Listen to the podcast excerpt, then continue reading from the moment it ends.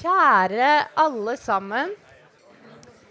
Hjertelig velkommen til denne litt mørke tirsdagens agendakveld.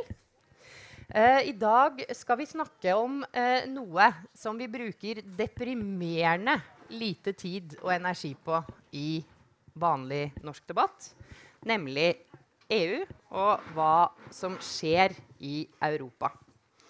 Eh, det er en stor, stor glede for oss i Agenda å få lov til å ha denne boklanseringen som det er, eh, i samarbeid med Kagge. Eh, og ha med oss forfatteren av denne PIP, nye boka, tilgjengelig fra og med i dag. 'Vi som elsker Europa et nytt EU for en ny tid' av Sten Inge Jørgensen.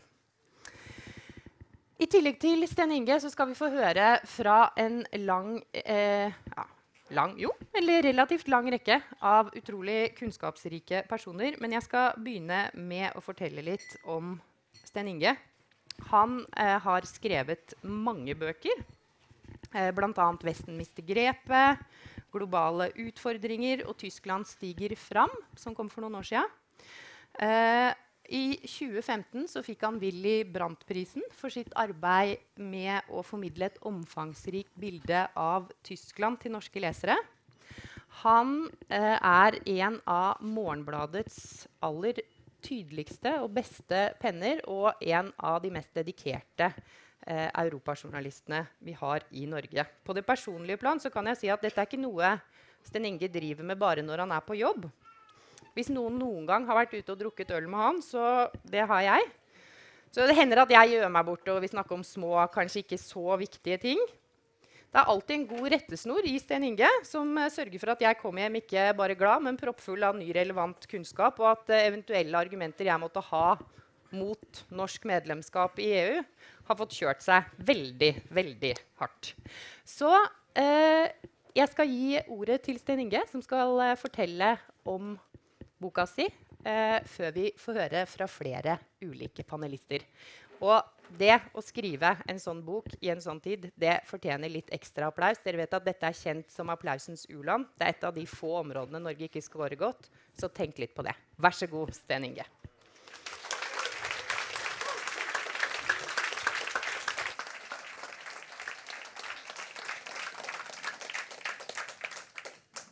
Tusen takk for det, Kaja. Jeg må da begynne med, å, uh, med en slags sånn innrømmelse. At den boka her var egentlig ikke tenkt skrevet som en sånn ja til EU-bok. Det var Meningen var egentlig bare å korrigere et mediebilde som viste et Europa hvor det bare var krise og elendighet. Ettersom jeg jobber også som journalist med Europa som uh, hovedfelt, så visste jeg jo det at det er jo veldig mye annet som foregår på dagsordenen i Brussel enn å håndtere den type kriser man leser om i, i, media hele tiden. Og jeg tenkte at Hvis jeg kunne fortelle da bare rent faktisk hva EU gjør, altså vise frem dagsorden, så kunne jeg kanskje vise folk at de har et litt feilaktig inntrykk når de tror at EU hele tida vakler liksom foran stupet. Det har jo, vært, uh, har jo vært sånn ganske lenge nå. Altså Ti år, tror jeg nesten. Altså, hvis tenker Finanskrisen brøt ut i 2008.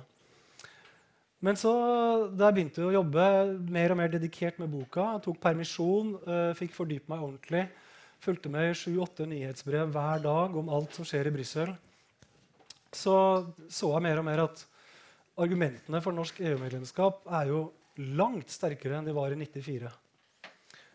ene siden er jo at uh, du har nå en sånn sosial vending i EU, hvor mange av de bekymringene som folk på venstresida har hatt overfor EU, de er langt mindre gyldige. Men andre er jo det at uh, i 94 så var jo Norge en del av vinnerlaget. altså Vi var bestevenn til USA. Det var Vesten som, som, styrte i verden fortsatt. Det å da stå utenfor EU var jo ikke noe stor trussel. Men i dag er det jo annerledes. Uh, I dag vil jeg tro de fleste nordmenn mener at USA opptrår faktisk i strid med våre interesser også. Og for mange europeere tenker at uh, det er verdt å spørre er egentlig USA en sikkerhetsgarantist for oss lenger. Og Da er vi inne på den harde politikken som uh, gjør at også mange på høyresida, som kanskje ikke er så opptatt av sosial rebalansering, men de er opptatt av sikkerhetspolitikk, de også vil se at uh, et Europa som samler seg, som koordinerer seg, som kanskje en dag kan forsvare seg selv Det kan faktisk ikke Europa i dag. At det er noe som er i Norges interesse å være med på. Så eh, jeg endte opp med å skrive en pro-EU-bok. Eh, prøvde å gjøre det litt sånn innledningsvis og konklusjonsvis, da, mens det store volumet i boka, altså midten, der er det tematisk orientert om hva EU faktisk jobber med. Og det er, det er bredt. Det går jo på utenrikspolitikk, forsvar er jo én ting. Det er jo handelssamarbeid, eh, handelspolitikk. Men det er også personvern, miljøvern, kamp mot skatteunndragelse, regulering av multinasjonale selskaper. Jeg tar opp uh, særlig det med østutvidelsen, altså at EU har vært et fredsprosjekt som bare har vokst og vokst og blitt viktigere og viktigere. Nå er det Vest-Balkan som står for tur. Trolig mange utfordringer der. Uh, og jeg prøver å vise at det er stor kontinuitet i fredsprosjektet. Det er veldig stabilt i det økonomiske prosjektet, altså handelssamarbeidet. Altså Se på britene nå. Hvor mye de frykter at de mister, og hvordan de nå trygler om å få være med på mest mulig selv om de går ut. Så det er på en måte bredden, bredden i prosjektet som jeg ønsker å formidle. Men hva kan det på en måte føre til? Altså, Ny norsk EU-debatt det, det tror jeg er veldig vanskelig akkurat nå. Men eh, i og med at eh, noen målinger har vist at det kanskje bare er 15% altså i hvert fall under 20 i Norge, som er for EU akkurat nå, så er jo det en slags sånn bunnlinje. tenker jeg. Altså, du kommer ikke noe lavere enn det. Det som gjelder nå, er å egentlig spre informasjon om at uh, kanskje EU har utvikla seg litt, blitt noe litt annet enn det var. Men også en oppdatering for de som har fulgt med litt. Fordi det er altså ikke sånn at media rapporterer om de tingene jeg skriver om i boka. Veldig mye av det er sånn jeg oppdager, bare fordi jeg har sånn spesialiserte nyhetsbrev. Så jeg tror at også de som føler seg relativt godt orienterte, vil finne ting der. Jeg har forsøkt å gjøre det uh, populært i den forstand at det er skrevet litt sånn journalistisk, reportasjeaktig. Men jeg har også 500 fotnoter, så, og det er veldig mye av det er jo med henvisning til forskning og til uh, ulike eksperter som vurderer ting. Så også de som er mer spesialiserte, vil kunne da grave videre i fotnotene og finne mer der. Uh, ja. Jeg vet ikke om det er uh, så mye mer å si egentlig innledningsvis. Jeg bare håper at folk vil kjøpe boka. Og dere kan få kjøpt den med rabatt her i dag faktisk etterpå. signert utgave også. Og gleder meg veldig til panelet som skal være med. Så tusen takk igjen for at dere kom, alle sammen.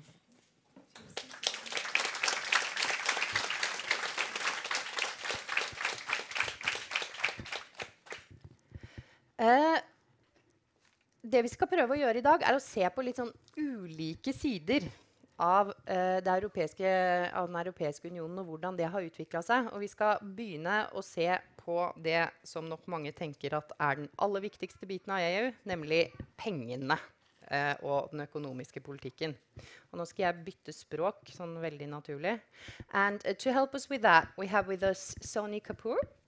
Uh, he's the leader of the think tank Redefine. Uh, he has recently moved to Oslo and is going to be working from here. He has been a counselor for a long line of European governments. Uh, he uh, is an economist uh, and he has uh, been elected one of the global young leaders of um, World Economic uh, uh, Forum, uh, and he's going to talk about EU's financial policies and how they have changed in the recent year.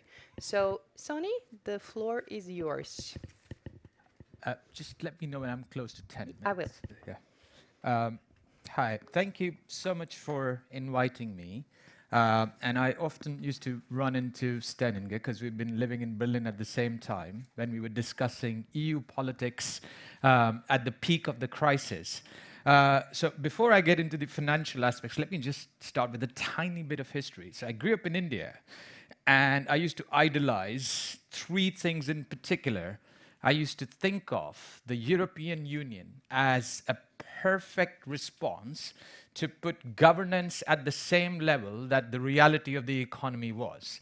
In a world where globalization, you know, immigration and technological diffusion meant that more and more things were happening in reality on the ground at a global level, it made sense to have government at roughly the same level, right? And so, yes, the EU remains very far from perfect, and I'll get to that. But we have to remember that the EU is an experiment that is trying to adapt the reality of governance to a world economy which has already moved on several steps ahead. The second thing I used to idolize was Scandinavian governments and Scandinavia as having struck the perfect balance between dynamism and security, which is why I lived in Copenhagen, which is why I lived in Stockholm, and I was here 2007 to 9 as an advisor to the then government. Um, and the third thing I used to idolize was the Dutch uh, economy and the Netherlands in general. And this is in the 90s, right? Not now. And I thought the Netherlands had reached the pinnacle of civilization, having arrived and become a post racial, uber liberal society, open society. Uh, we all know that on all three of these fronts, um, I've had sort of a 20 year of you know, constant disappointment period. And part of this you will understand from romantic relationships. What looks good from afar, when you get up close, you see the warts and the wrinkles and the imperfections, right? And every single encounter, I think that many of us in this room have had with any kind of bureaucracy, be it the United Nations, which I think everybody supports here, or the European Union, or even the Norwegian government, every additional encounter kills a little bit of your idealism, right? So, so that's the starting point uh, that we have to recognize. Just as with every new challenging thing you are trying, the EU is a highly imperfect place. The question is is there a better alternative? Given the reality of the world. You couldn't put back globalization in the box, even if you wanted to. And there are different thoughts on whether one should or not, right? You couldn't send the immigrants back home, even if you wanted to. Uh, I think I stand very clearly on that side of the debate. And you couldn't really reverse progress, you know, technological diffusion. So given that one starts with the recognition that the world as we know today is real, what is an appropriate response to that? Is the Norwegian government or a nation state, a small, tiny, open economy such as Norway, well equipped for the 21st century where global financial flows, whether Norwegians like it or not, and of course, you know, we are contributing to that with our oil fund. Whether we like it or not, global financial flows will continue to increase and we will have very little control over them. Technological changes are happening, irrespective of whether Norwegians like them or not. Uh, people are moving around, and all of these developments that we associate with, you know, the present reality of the world, they will continue to increase in magnitude. The question then is, is the assumption that was made when Norwegians voted against the EU, uh, has, is it time to revisit the assumption, given that the world has moved on, Norway has moved on, and the EU, as Sten Inge was saying, has moved on. Um, I think that's a very important debate, and I congratulate you on your book. Just to uh, add some nuances to this, um, I've been in the negotiating room on the euro crisis for five years, spent a long time working on financial reform, was part of the high level group on social Europe, which the European Union conceived in 2013 uh, realizing exactly many of the challenges that Sten Inge was talking about, that it made no sense to think of a Europe that primarily was about free capital flows, free trade, etc., without addressing the social dimension. Because I think the European Commission, in particular, belatedly recognized that it had a responsibility not just to member states, but to individual EU citizens, particularly when many of the member states had a fairly shoddy treatment of its citizens during the financial crisis. The question to ask is not whether Greek citizens suffered unfairly because of the EU's austerity policies and the euro crisis. The question is would Greek citizens have been potentially even worse off had Greece not been a member of the Eurozone? Would the Spanish uh, uh, citizens who lost their houses, would they have been potentially even worse off had Spain not been bailed out or given an implicit guarantee? I think the counterfactual is really, really important. This was, to all intents and purposes, the biggest crisis to have hit Europe in financial and economic terms in our living memory. And it's really far from obvious, and I work with many of these national governments, if the national response uh, would have been more progressive, would have delivered less pain for the citizens. It could have, uh, but it really, really is not clear that that would have been the case. I use the example of uh, some friends of mine who tried to make a left wing case for Brexit. And frankly, there's two constituencies I will never understand the brown people who voted for Brexit, thinking that people who don't like white Catholic Poles would be happily embracing their brown Muslim Bangladeshi cousins coming over or turban Sikhs coming to London in great numbers.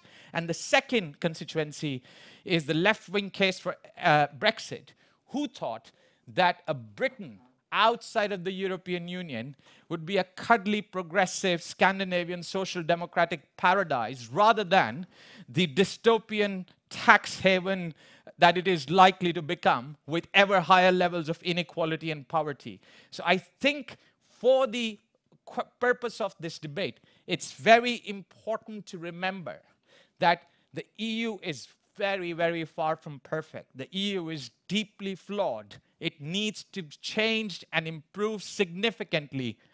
But the alternative that we might end up with in a world where Google and Facebook dominate, in a world where financial flows are large, huge, orders of magnitude than bigger than even our you know, already very large uh, oil fund, where Trump's tweets can have a bigger impact on Norwegian trade than anything the Norwegian government can do, where the Chinese getting angry about Norway's championing of human rights can potentially, as they did, try and squeeze out the Norwegian fishing industry, uh, where anything a citizens of a small progressive country can do on their own in the light of these global forces is very, very limited.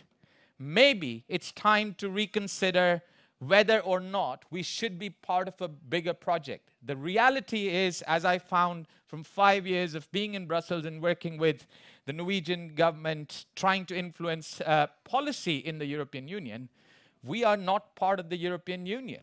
And which means, in reality, we have very little influence, no matter what citizens think or actually don't think. And the last point, what surprises me, and if you've seen some of my pieces, I'm trying to help address that, is that the Norwegian media is not really better than the British media in its coverage of the European Union, which is extremely bizarre uh, because, frankly, you know, I mean, one can make the case for the Brexiters um, and the right wing press uh, owned by billionaires who are tax exiles in, in, in the UK. But there is no such equivalent here. It's really time to at least start having a serious, informed, and engaged debate about the European Union and what our relation with the EU should be. Um, and with that, I think my time is up. Thank you. Stay.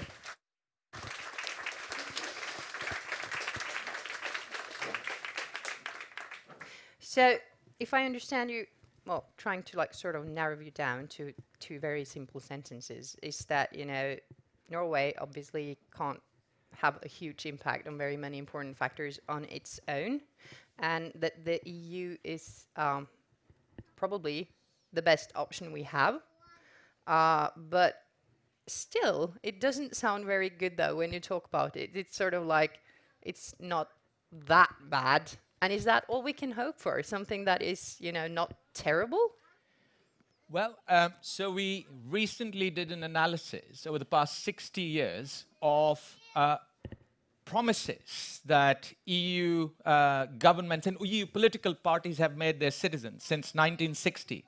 If you take away the period specific language, it is impossible to see whether you know the labor politicians the hero politicians here or the social democrats in germany were talking in the 60s or the 70s or the 80s or last year.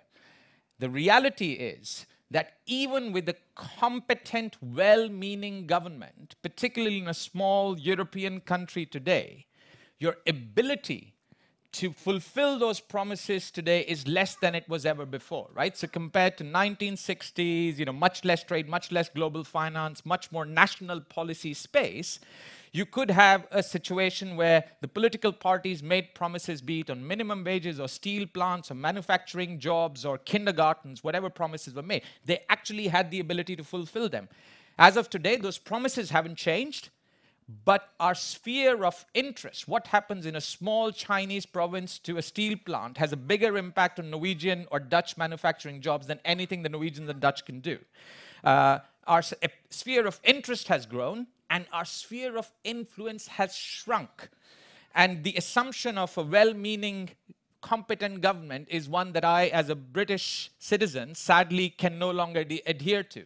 So the reality is, it is the world is messy, the world is imperfect, and in that imperfect, messy world, there can be a grand sounding vision of a great utopian future, as Brexiters have promised, for example, or the messy reality that governments are imperfect, bureaucracies can always be improved, and even with the UN and any ideal you have, be it the romantic partner or a passionate EU or the United Nations, the reality is always more messy. So, my quick answer is sadly, uh, on a campaigning trail, you can always make the case for the perfect European superstate that will protect each and every one of you, give you jobs for life and everything. I'm going to ask you but more questions, Sonny. Yes. I'm going to skip them if you don't stop now. No, no, no, go on. Yeah. Okay. Yeah. So um, I wanted to ask you about what you said about the austerity policies, because uh, as you said, the countries on their own would probably not have been able to solve those problems in a better way for their citizens. Yeah. And of course, a lot of the reasons for the crisis is that they already didn't solve a lot of problems for their citizens. So,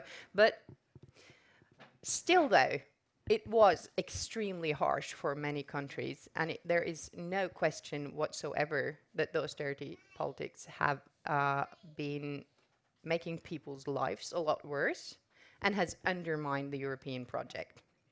So, uh, what I was wondering is do you think they would have handled it different now?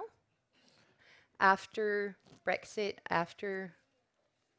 Uh, from what I understand, uh, I think, with the sad exception of the Germans, um, who had a disproportionately large influence on the crisis, uh, many others who supported those austerity policies, given the political outcomes we've seen in the fragmentation, would have been less austere. Uh, but I think in Germany, the, the love of, uh, you know, or the hate of debt um, is so big that I don't think the Germans have changed their mind. And the Social Democrats are equally uh, fiscal, fiscal hawks as the CDU is. Thank you so much. Da skal jeg få lov til å ønske Ja, applaus! Da skal jeg få lov til å ønske forfatteren velkommen tilbake på scenen. Sten Inge, vær så god. Med oss skal vi ha to av våre aller fremste forskere. Uh, Iver Neumann er norsk statsviter, antropolog og forsker. Han uh, er akkurat i ferd med å begynne, eller har akkurat begynt som direktør for Norsk institutt for forskning om oppvekst, velferd og aldring, NOVA, som alle naturlig nok kaller det. Du er også professor to ved Kulturhistorisk museum. Du har jobbet i en lang årrekke på NUPI. Og du har vært ved LSI de siste årene. Vær så god.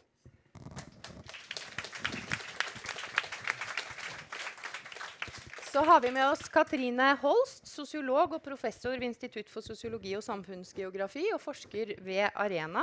Eh, I tillegg til å ha en lang akademisk karriere er Katrine en av våre viktigste viktige stemmer i samfunnsdebatten. Eh, og eh, har bl.a. vært med på å lage maktutredningen. I tillegg er du eh, akkurat i ferd med å avslutte arbeidet med en ny bok som også handler om utviklingen i EU. Vær så god, Katrine.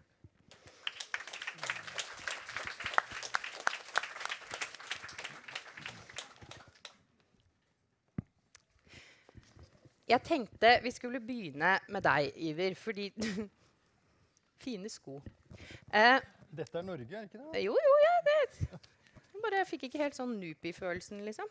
Eh, jeg tenkte vi skulle begynne med deg. Eh, fordi du har eh, jobba med europeisk politikk i en årrekke, men særlig med det geopolitiske bildet. Og hvilken eh, rolle Europa spiller der. Kan du si litt om hvordan du ser utviklingen de siste årene?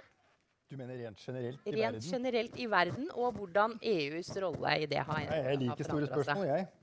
Altså, det, det, jeg tror hovedoverskriften på det som skjer nå, ikke er det politisk-politiske, men de sosiale endringene som ligger under det politiske, nemlig globaliseringen helt spesifikt i form av flytting av mennesker, ideer, varer osv. Jeg tror det skaper en situasjon som er parallell til den situasjonen vi hadde eh, eh, ja, Den kom litt forskjellig rundt omkring i verden. Det begynte på begynnelsen av 1800-tallet, spredde seg dominerte hele 1800-tallet, hvor folk flytter fra, byene, fra landsbygda inn til byene. Eh, Det var jo sånn moderne samfunnsvitenskap begynte, faktisk som et forsøk på å forstå hva det gjorde med samfunn. At man tok folk ut av små, trygge landsbysettinger og fikk dem inn til byen. Denne prosessen er ikke på noen måte i ferd med å avsluttes øh, globalt. Det finnes steder hvor det fortsatt foregår, men i Kina er den, øh, er den i ferd med å avsluttes. Så man får ikke lenger den voldsomme veksten i økonomien som kommer av at folk strømmer til byene. Eh, I Afrika, som ligger bakerst her, så er altså byene eksplodert. Den, den prosessen der, landsbygd til by, det er en veldig hyggelig prosess i den forstand at eh, bylivet åpner et helt annet lerret for å utfolde seg som menneske. Men det er også en jævla grisete eh, prosess. Um, folk har glemt dette nå, men eh, altså, bønder som kom inn til norske byer, det være seg små byer som Mandal eller større byer som Kristiania, eh, det var ikke spesielt, et spesielt hjertelig møte der. der. Altså, det var en grunn til at eh, Arbeiderpartiet kjørte med slagordet 'by og land hand i hand', eller 'by og land mann mot mann', som det eh, også ble kalt på den tiden. Det var knivstikking, det var drap, det var kvinner i skaut. Altså, veldig mange av de tingene vi nå sier om innvandrere fra ja, Sonny nevnte India, altså Pakistan, Somalia osv. Det som blir sagt der, den måten man forholder seg til, for meg veldig likt de tingene man kan lese om i møtet mellom by og land. Og som man for den saks skyld kan se i Kina hvis man drar til en større kinesisk by nå. Den måten de snakker om bønder på. De blir f.eks. meiet ned i trafikken på syklene sine. Ingen syns det er så voldsomt farlig. Det blir flom. eh, Lokkene, kumlokkene forsvinner opp. Folk som går, og det er jo stort sett bønder, da, sier bare plopp, og så er de borte. Og ingen syns i grunnen det. Det er så mange av dem, liksom. Altså, dette er ganske heftig, da. Og jeg tenker på globaliseringen som en, som en replay av, av den der. Og da blir det knuff. Og da blir det vinnere, og da blir det tapere, og det blir folk som har investert mye i de livene de har, som plutselig må dele med andre. Altså, det var valg i Sverige her forleden. Vi, vi kjenner denne historien nå. Um, det er for meg det store bildet. Så er det et, et litt mindre bilde som er mer rendyrket geopolitisk, og det er Kina. Og jeg tror ikke det er nødvendig å argumentere for hvorfor Kina er store, ut, den store utfordringen for, for systemet av stater, hvis vi skal se på det som er min spesialitet, da, og som eh, mange statsvitere ser i isolasjon fra det sosiale, hvilket jeg mener er en enorm feil. Er, statssystemet er viktig, men det må jo forstås som en frukt av sosiale endringer. Derfor begynte jeg med globaliseringen. Og Der blir Kina viktigere og viktigere, og de vet hva de vil. De har en strategi. Hvor langsiktig den strategien er, det er ikke så godt å si. Det, jeg er ikke sinolog, men sinologene krangler så busta fyker om akkurat det der. Denne, denne stereotypen er at kinesere tenker så langt fremover. Mange sinologer er veldig usikre på om de klarer det, for det skjer så avsindig mye både i deres eget land og i forhold til resten av verden. Der gjør vi en stor feil, nemlig at vi driver og ser på Russland hele tiden. Og I Norge så kan det tilgis. Vi har en 196 km lang grense med Russland. Russland vil alltid være viktig for Norge uansett åssen ting går. Men hvis vi skal snakke om verden, så er Russland forholdsvis lite viktig. Altså, vi snakker 149 millioner med en, eh, en økonomi som er mindre enn Spanias. Så kommer man litt utenfor eh, eh, Moskva og St. Petersburg, så er det, altså, det står så dårlig til at du vil ikke tro meg hvis jeg begynte å, å, å legge ut om det. Altså, det er jo ikke ordentlige veier engang. Altså, så dette er ikke landet å se til når det gjelder hvem som skal komme og utfordre en verdensorden. Det er Kina.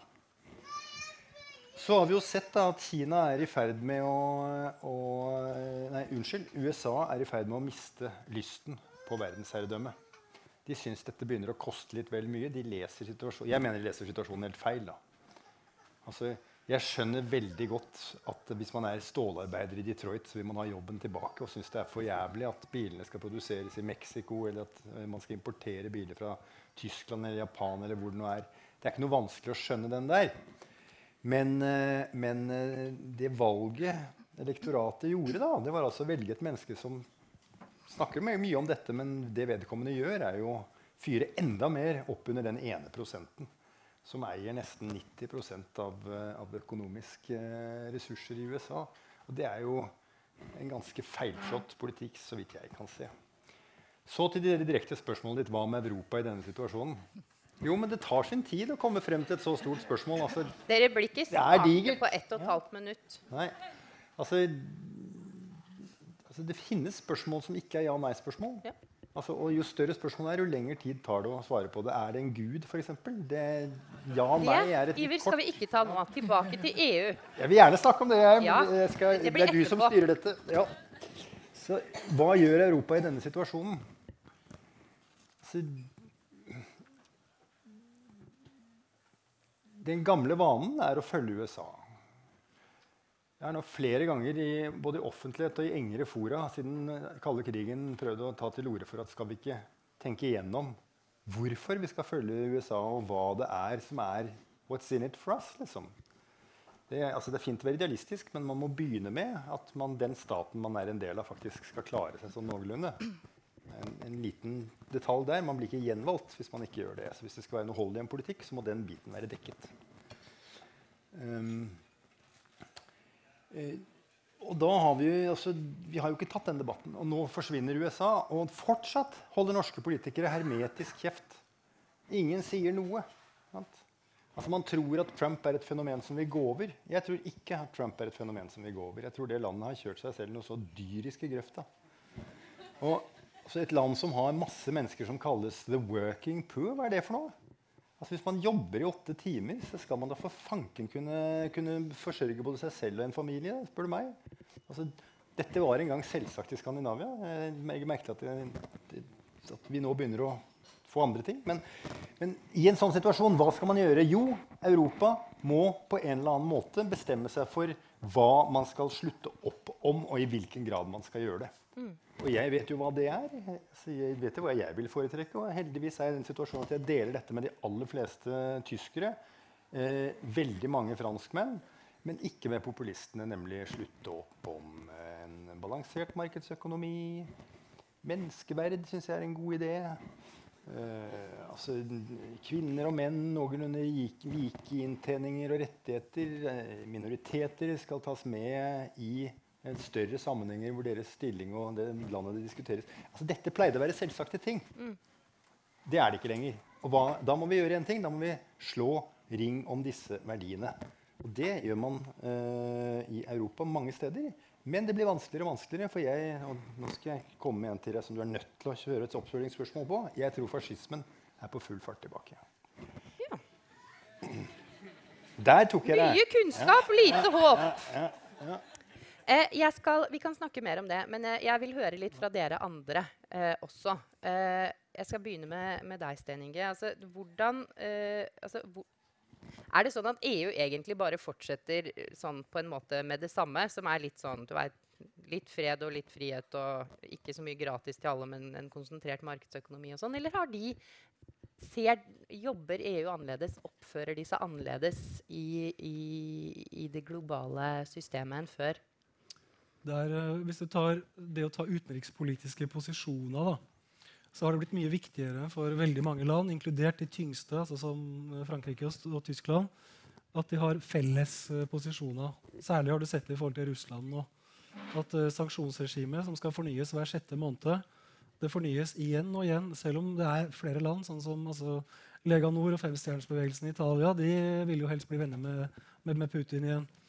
Men uh, gruppepresset begynner å bli så sterkt på at uh, skal man i hele tatt ha en stemme uh, globalt nå, så må man bare stå sammen. det andre, på forsvar, der skjer det konkrete ting. det er jo Offisielt så er det jo ingenting som skjer som er i strid med Nato.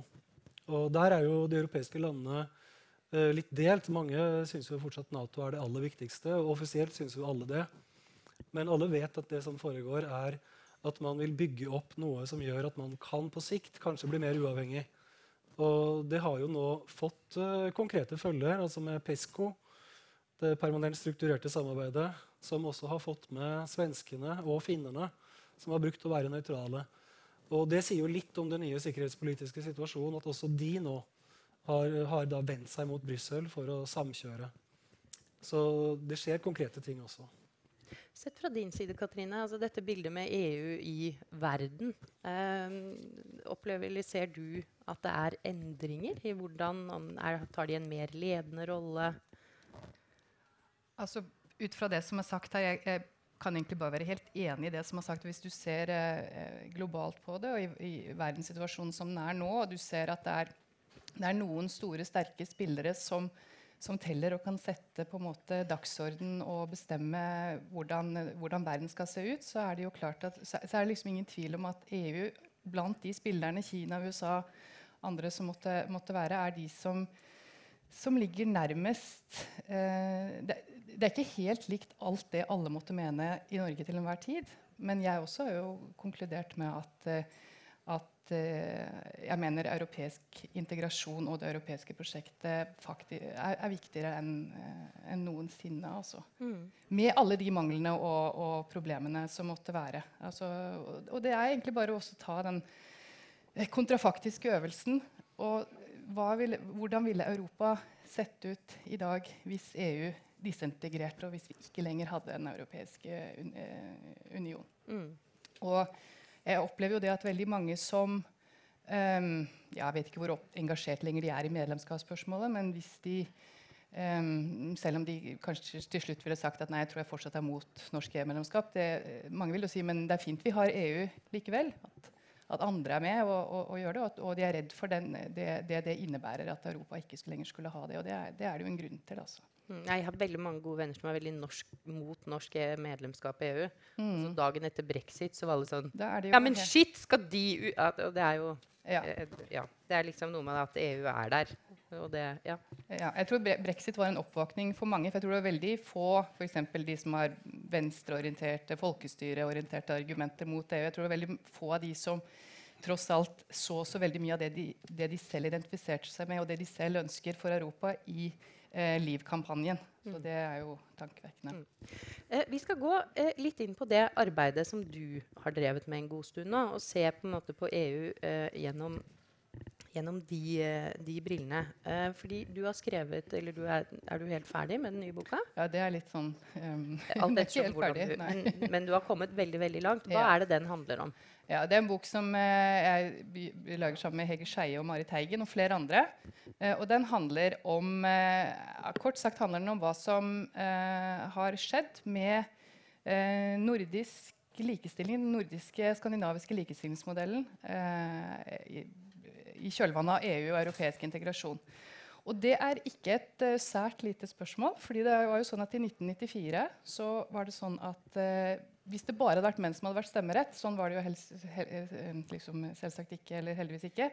Men da hadde jo Norge sagt ja til EU. sånn at uh, dette argumentet om at EU ville være negativ for likestilling og velferdsstat, det var veldig viktig, og det var veldig viktig for at veldig mange kvinner stemte eh, nei til EU. Er det, det, og det gjør det jo interessant å se hva har skjedd i de nordiske landene. Altså Sverige og Finland gikk jo med sammen med Danmark. Og de står jo for den samme type likestillingsmodell på mange måter som vi gjør. Så det er interessant å se hva har skjedd med de landene, hva har skjedd med Norge. Og, og, og i lys av det så ser vi også litt på egentlig hva er det EU har stått for når det gjelder likestillingspolitikk før, og hva skjer der nå. Så det er kort sagt det boken handler om. Ja. Kan du si noe om hva dere finner når dere ser på utviklingen av det? Fordi altså, Likestillingspolitikk er jo ofte en litt sånn derre um, markør for hele den sosiale dimensjonen Ja. i, i ulike land. Ja, altså, og Norden topper jo alle globale likestillingsindekser og sånn. Og en forventning du kunne hatt når noen land gikk inn i EU, andre ble ute, så kunne du jo hatt at en forventning kunne jo vært at her ble utviklingen nå veldig forskjellig. F.eks. For at den ble helt annerledes i Norge som sto utenfor, enn i Sverige og Finland som gikk med, eller Danmark som er. Og det finner vi jo egentlig ikke. Det er fortsatt ganske mange fellestrekk når det gjelder eh, likestilling og, og, eh, og likestillingspolitikk. Eh, så, og familievelferdsstatspolitikken er, cirka, er, blitt den, er blitt den samme. Det mange var redd for, det var jo at eh, siden vi er liksom, foregangsland på det området, var vi redd for at det skulle bli et press nedover på våre standarder på det, på det området. Men det, eh, det har vi egentlig ikke funnet. Og det er jo fortsatt sånn at på mange områder så er det jo Sverige som kanskje har vært den store innovatøren de siste årene innenfor likestillings- og, og velferds, eh, velferdspolitikken. Og det har de gjort altså, innenfor rammene av av, eh, av EU. Eh, og, og, eh, og, eh, ja, så det er et viktig funn der. Bare ett kort oppfølgingsspørsmål. Altså, jeg antar at, eller, altså, hvordan er det ellers i EU med utviklingen av, av likestilling? Det er jo store store forskjeller på Det er veldig store forskjeller. Altså, du kan si det som eh, altså, EU har jo ikke innført liksom, nordisk familie- og familiepolitikk på, på EU-nivå. Det har man ikke. Det EU har gjort, er å, i, er å eh, sette opp minimumskrav, ganske høye også, til, eh, ikke-diskriminering. eh, ikke-diskriminering. Når det gjelder lønn, når det gjelder ansettelse, og når det gjelder eh, pensjon og trygd og, og, og. Og det er klart at det har satt et sånt minimumsnivå som gjorde at, at, at veldig mange land i Europa måtte heve eh, standardene sine. Så det er liksom det, kanskje det viktigste, eh, viktigste bidraget fra EU. Så kan man si at veldig mye av dette hadde de nordiske landene på plass i utgangspunktet. Eh, men det er likevel, et, det er likevel, et, eh, det er jo likevel viktig at nivået har blitt hevet, eh, hevet andre steder. Og det er også sånn at, også sånn at EU er en foregangs, foregangsland når det gjelder utviklingen av diskrimineringslovgivning. Og det har også bidratt til endringer i, i land som Norge, Norge og Sverige.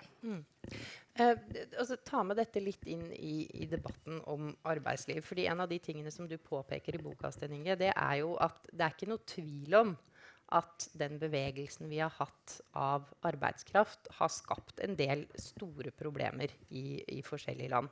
Med lønnsdumping og, og, og, og dårlig Altså at du, du på en måte får eh, Du får et arbeidsliv hvor eh, du får en stor gruppe som trekker ned.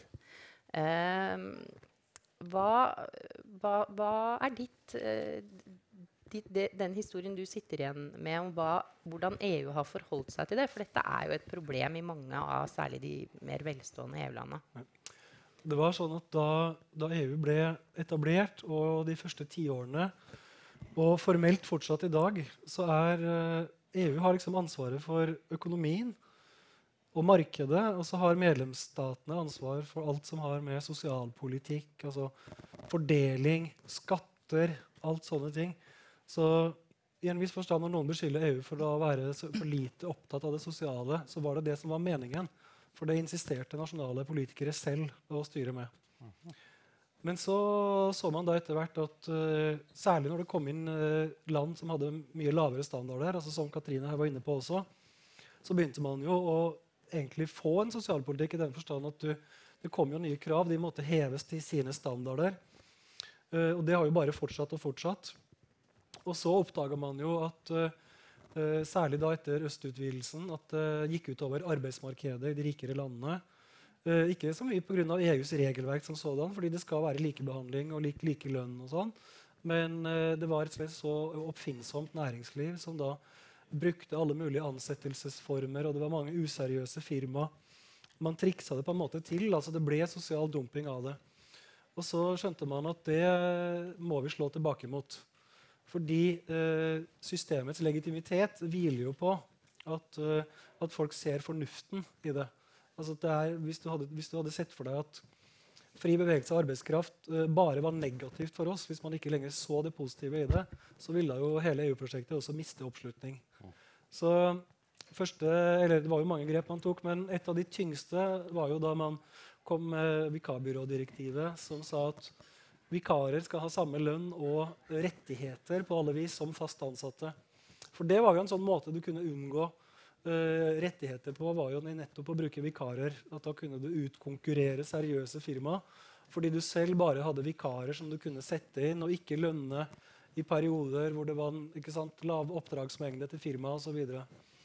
Og den utviklinga har fortsatt. altså Med utstasjoneringsdirektivet nå så heter det jo at uh, da de utstasjonerte skal ikke bare ha samme lønn som de lokalt ansatte, men skal, du må også dekke reise og opphold for dem. Kost og losji. Mm. Uh, kostnadene da ved å hente inn f.eks. Pol polske arbeidere er jo da langt høyere enn de kunne ha vært.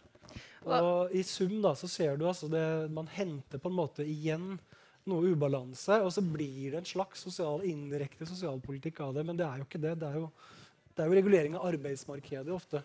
Mm. Men jeg må bare legge til altså, eh, den sosiale søylen da, som, nå, uh, som, nå, kommer. Altså, det var et toppmøte i Gøteborg i sommer. Der kommer det jo, er det jo lista opp punkter som alle i prinsippet nå har slutta seg til, som ligner på den skandinaviske modellen. Det er sånn uh, rett til livslang læring, like muligheter for funksjonshemmede på arbeidsmarkedet. Alle mulige sånne standarder som man stort sett har forbundet med Skandinavia. Rett til pappaperm og forskjellige punkter. Likelønn.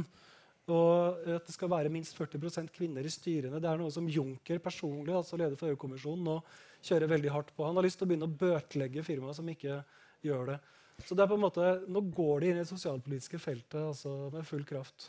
Men det som kanskje kan være litt sånn, det tror jeg paradoksalt for mange, det er jo hvor utrolig godt EU innimellom lykkes. Altså når de går inn for ting. ikke sant? Altså Hvordan de har lykkes med det indre markedet, hvordan de har gjennomført euro. Men når du ser på disse tingene som vi snakker om nå, eh, så er det jo sånn at virkeligheten der ute den ligner ikke mye på disse papirene som, eller disse vedtakene som vi snakker om nå. Gjennomføringen er jo i beste fall eh, veldig dårlig. Så altså, er det liksom er på en måte dette et svar på noe som, som, som Kommer det etter brexit? Er, er, det et svar på noe, er det, er det noe mer enn ord? For det, det, tror jeg veldig mange blir til å lure på. Ja, Fordi det, altså, det er jo arbeidslivet mange steder i Europa og også i Norge i, en del sektorer, er jo under enhver kritikk. Det er uh, regelverk som både er vedtatt og mer er på trappene. Så det er helt konkret at det skjer noe. Men jeg tror at, uh, jeg vet ikke om jeg er helt enig med virkelighetsbeskrivelsen din. fordi uh, det høres ut som det er veldig skakt og litt elendige realiteter der ute. Men det handler jo også om hva vi blir eksponert for i media. Altså, nå vet ikke jeg hvor mange for eksempel, polske arbeidsmigranter det er i Norge, men jeg tror at hvis du tar og studerer hele den gruppen, så vil du se at det kanskje bare er en bitte liten del av de som egentlig befinner seg i en posisjon hvor de uh, halvveis i en sånn gråsone i arbeidsmarkedet, litt sånn illegalt utkonkurrerer norske ansatte. Masse bedrifter i Norge, ikke minst også bønder, er helt avhengig av den arbeidskraften. Veldig mange har gode lønninger, sikre arbeidsforhold, betaler skatt, alt sammen. Uh, det er rett og slett mye bedre situasjon i realiteten enn det kan se ut som i media. Katrine? Ja, og så er det, jo, det er jo selvfølgelig sånn, kan være mange gode planer som ikke blir realisert. og Kanskje nå i kjølvannet av økonomisk krisen har det blitt enda vanskeligere å realisere en del, en del ting, f.eks. innenfor likestilling og, og velferd. Så, eh, det var for dette forslaget om sånn foreldrepermisjonsdirektiv som, som parlamentet og noen i kommisjonen og sånn ville fremmet. Og det, og det ble stoppet, fordi, det ble stoppet i, i, rådet fordi det var enkelte medlemsstater som ikke ville ha det. Og det ble stoppet av interessegrupper og arbeidsgiverforeningen i Europa og sånn, som, som, ikke ville ha det. Og det, være, det var nok liksom dels sånn ideologiske argumenter. At dette var en form for likestilling de var mot, eller noe de ikke ville ha. Men det er klart det var også sånn økonomiske argumenter. Nei, nå kan vi ikke ta oss råd til dette. Det var, for eksempel, det var også et viktig argument. Så det er, og så kan man si at okay, det er feil forstått. Det, det, er, bra med, med å ha, det er bra å ha gode eh, foreldre- og omsorgsordninger. Det muliggjør at eh, kvinner og menn på like fot kan gå ut i arbeidslivet, og det er en god økonomisk modell. Og sånn. Men det er samtidig eh, et problem for innenfor likestillingspolitikken nå, at det står rett og slett litt eh, stille. For man tenker at dette er en sånn luksus som man ikke kan ta, ta seg råd til nå.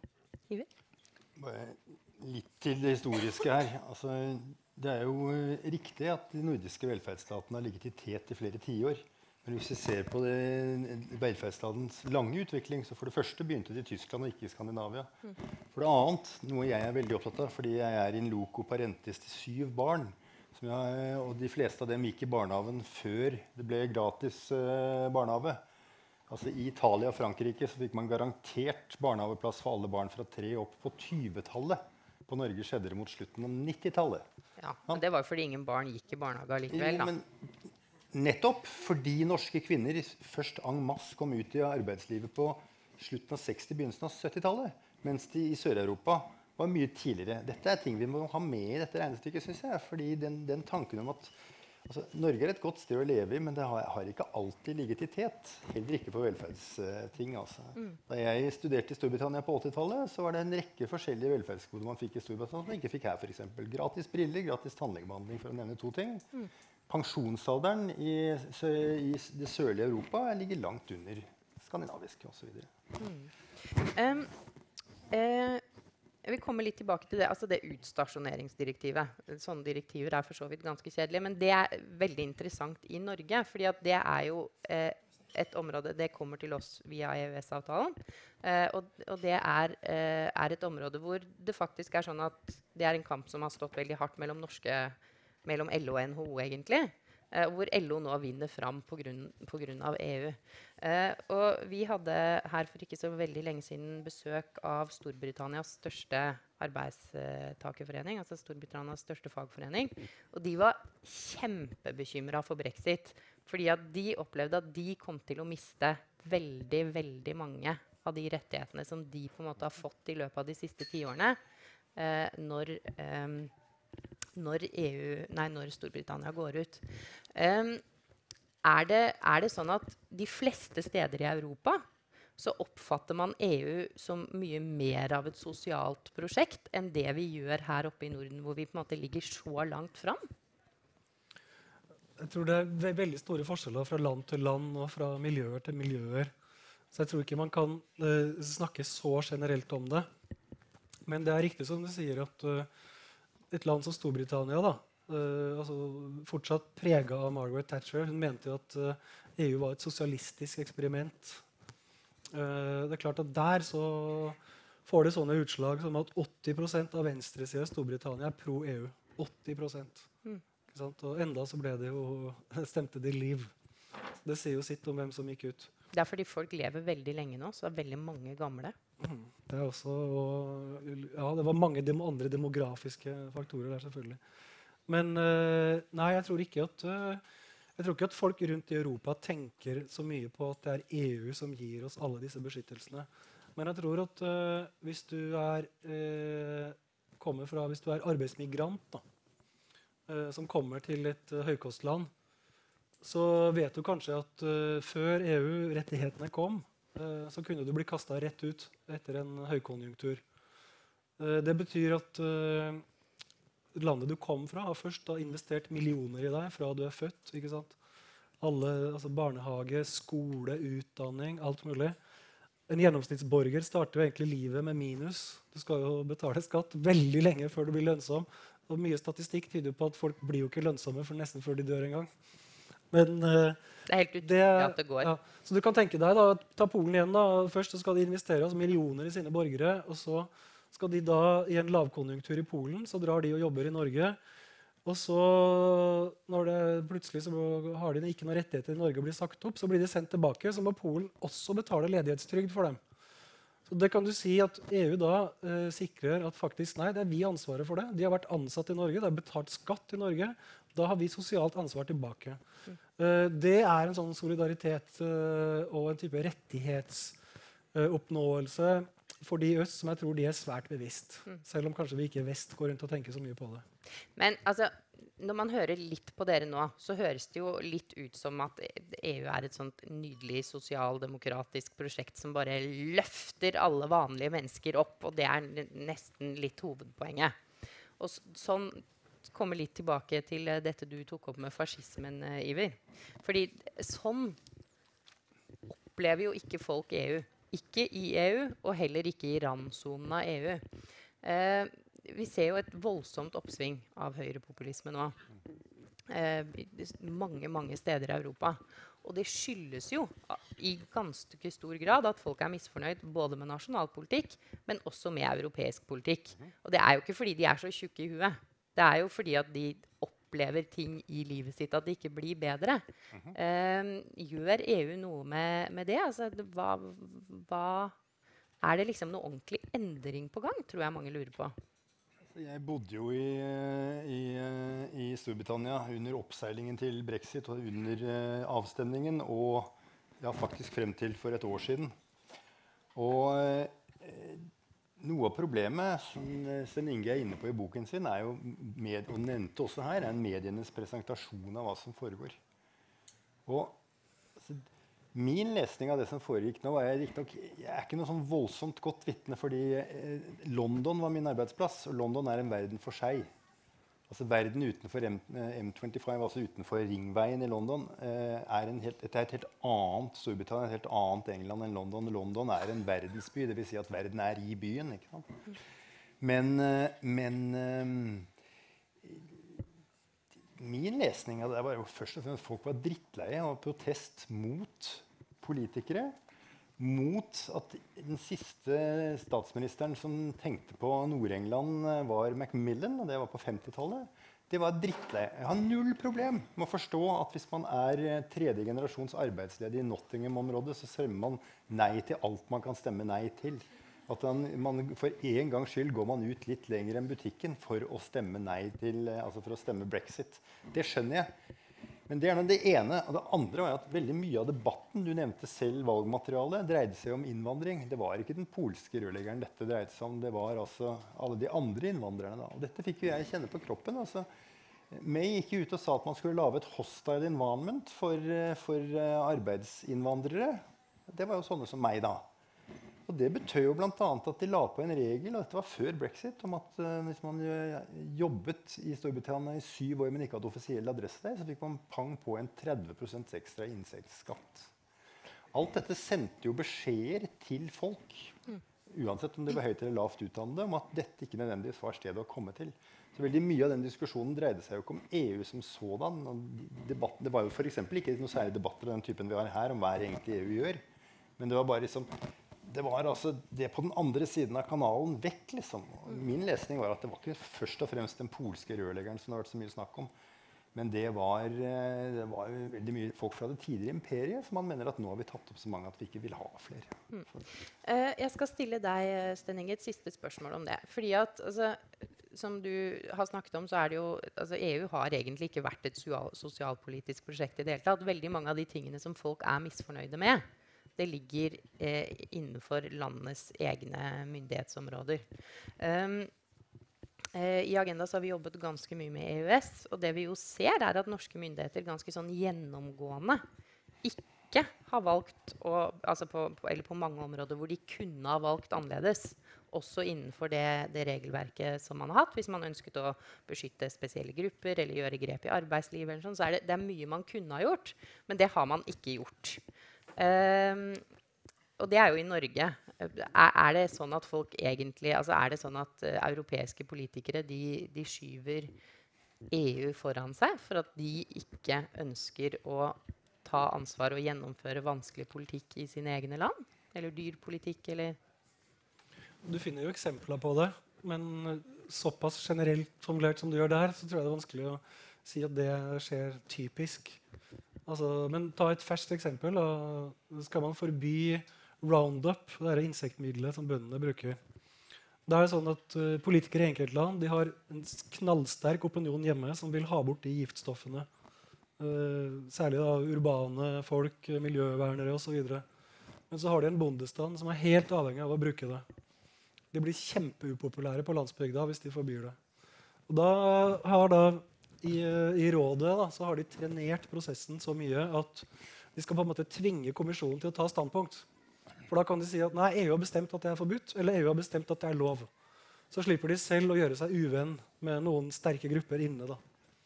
Eh, så det fins helt klart sånne eksempler. Og det fins også eksempler på at eh, politikere skylder på EU hvis de må gjøre noe upopulært uten at så er tilfellet. Også Sverige gjør det noen ganger. og Kommisjonen må da komme pekefingeren og si nei, nei, det her er slettes ingen EU-lov. det her har dere funnet på selv.